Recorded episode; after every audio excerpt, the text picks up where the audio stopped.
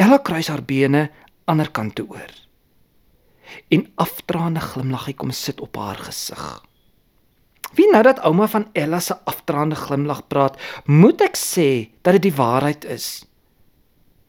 Daai vrou het baie aftraande gesmyl. 'n Suster Ella Verwy bied aan om die verrigtinge te help beplan in samewerking met die kerkraad om 'n verwelkomingskomitee bymekaar te sit sodat ons die nuwe dominee kan verwelkom in ons dorp en gemeente.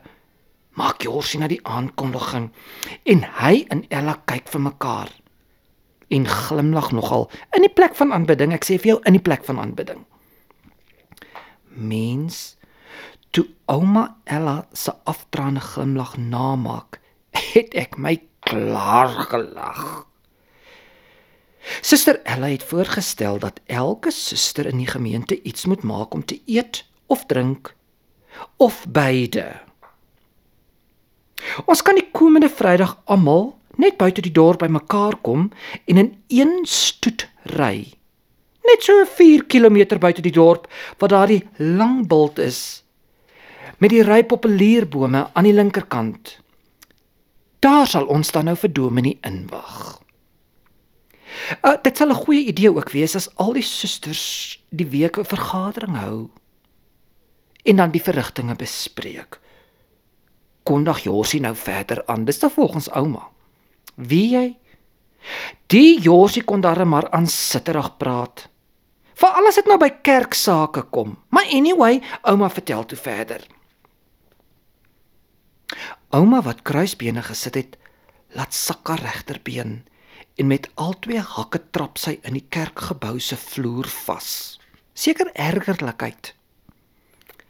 Met haar linkerkant vat sy die bank se handvatsel vas en trek haar effens vorentoe sodat sy haar regterbout mooi kan lig en bietjie vorentoe kan neersit. Haar lippe saamgepers soos 'n jaffel. Wie hy as sy nie in die kerk was nie, het sy so waar haar hande in haar sye gedruk. Sy kruis haar regterbeen weer oor die linkerbeen en sit. Ha! Toe ouma hierdie storie vir my vertel, het sy die hekkie se kante vasgegryp asof dit die kerkbank homself is, maar ek lag my klaar net om te demonstreer en te beduie. Ja, ek het my klaar gelag. Anyway, ek dwaal nou weer af. Oupa kyk om en sien die ongeduld en irritasie in ouma. Nou kyk, ek glo nie hierdie deel so mooi nie. Want ek weet oupa is nie die soort wat in die kerk in die plek van aanbidding sal omkyk nie. Maar ek vat ouma se woord. Ek vat dit. Uh, die nuwe dominee sal van Paul Roo afkom het Jorsie nou verder gesê. Jorsie se woorde is nog skaars koud met die laaste gedeelte van die Heidelbergse Katekismes. Daar waar dit nou van die wederopstanding en ewige oordeel staan. Amen.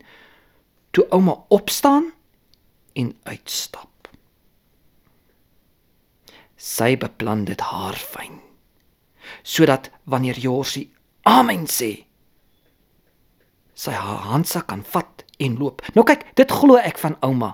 Ouma sal wag tot amen voordat sy loop. Sy het daarom nog 'n bietjie respekte in haar, maar nou vertel sy vir my verder. Dis nie in my aard om by 'n kerkdiens uit te loop nie. Ek weet van beter. Het ouma toe nou net so reguit vir my gesê in my gesig. Ouma gaan sit in die 1400 en wag vir oupa. Totdat die diens verby is.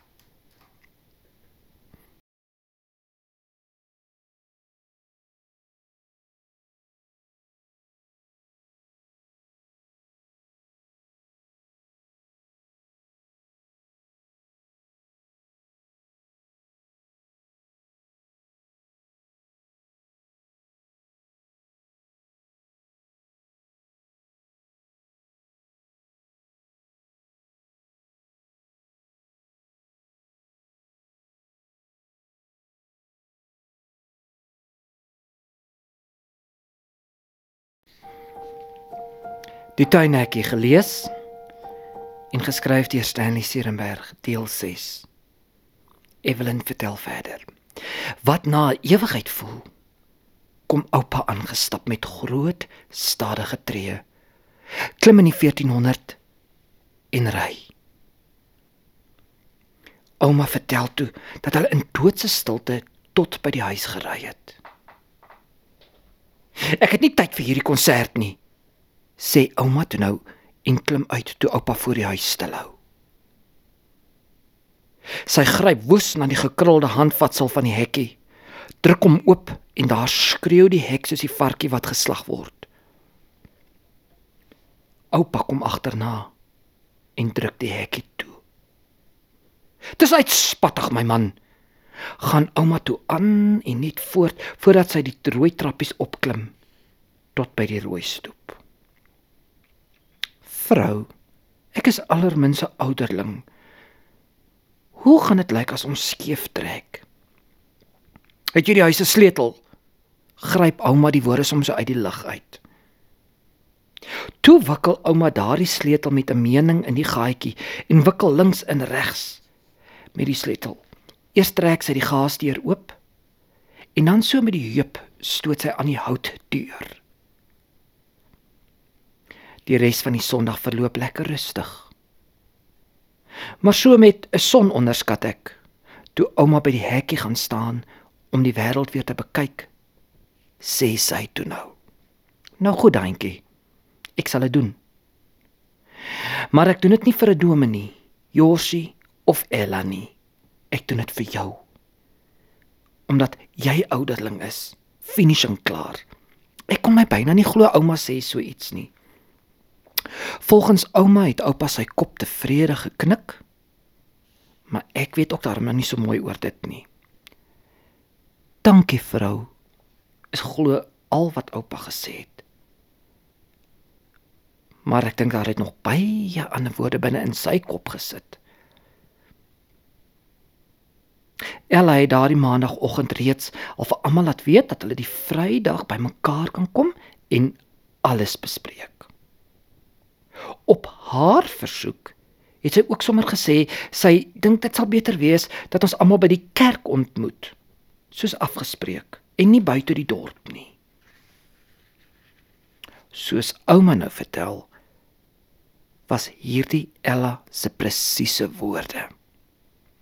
Ek as hoofouderlingsvrou het dit tog maar goed gedink dat ons as geheel en gemeente tog maar hier by die kerk ontmoet en dan dorp uitry in 'n stoet om die dominee te gaan verwelkom.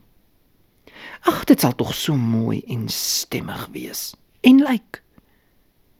Hoi, wie jy toe ouma hierdie stukkie van nou Ella vertel, trek sy haar mond so op 'n plooi, lyk amper vir my soos 'n spelde kussentjie. Die susters van die dorp het glo vreeslik begine bak, vertel ouma nou vir my. Daardie donderdag, so in die laatoggend, skreeu die hekkie en toe ouma by die venster uitkyk, is dit die vrou van die tuisnywerheid. Die vrou het nog nie eens 3 kloppe aan die deur gegee of ouma was al daar om die ding oop te ruk. As jy dan nou hier rondloop, wie kyk na die winkel? het ouma opreg gevra. Ek dink tog dat ouma in die tuisnywerheid vrou oor die weg gekom het. Die tuisnywerheid vrou was blykbaar baie ontsteld oor haar rakke wat leeg is, oor al die dames wat vir haar bak nou vir die nuwe dominee se aankomsbak. Nou dat ek so dink. Dis mos 'n verskriklike ding gewees, want ek weet die skool en die vroue sendingbond bestel elke tweede dag iets by die tuisnywerheid. Die groot dag breek aan. Die gemeente soos afgespreek, kom eers by die klipkerk bymekaar. Dis net mense en karre ouma is nog steeds goed omgekrap omdat Ella besluit het dat almal nou by die kerk moet bymekaar kom en nie buite die dorp nie. Josie verwy lei die stoet met sy fastback. die dorp uit sien. Oupa en ouma net agter hom met die 1400.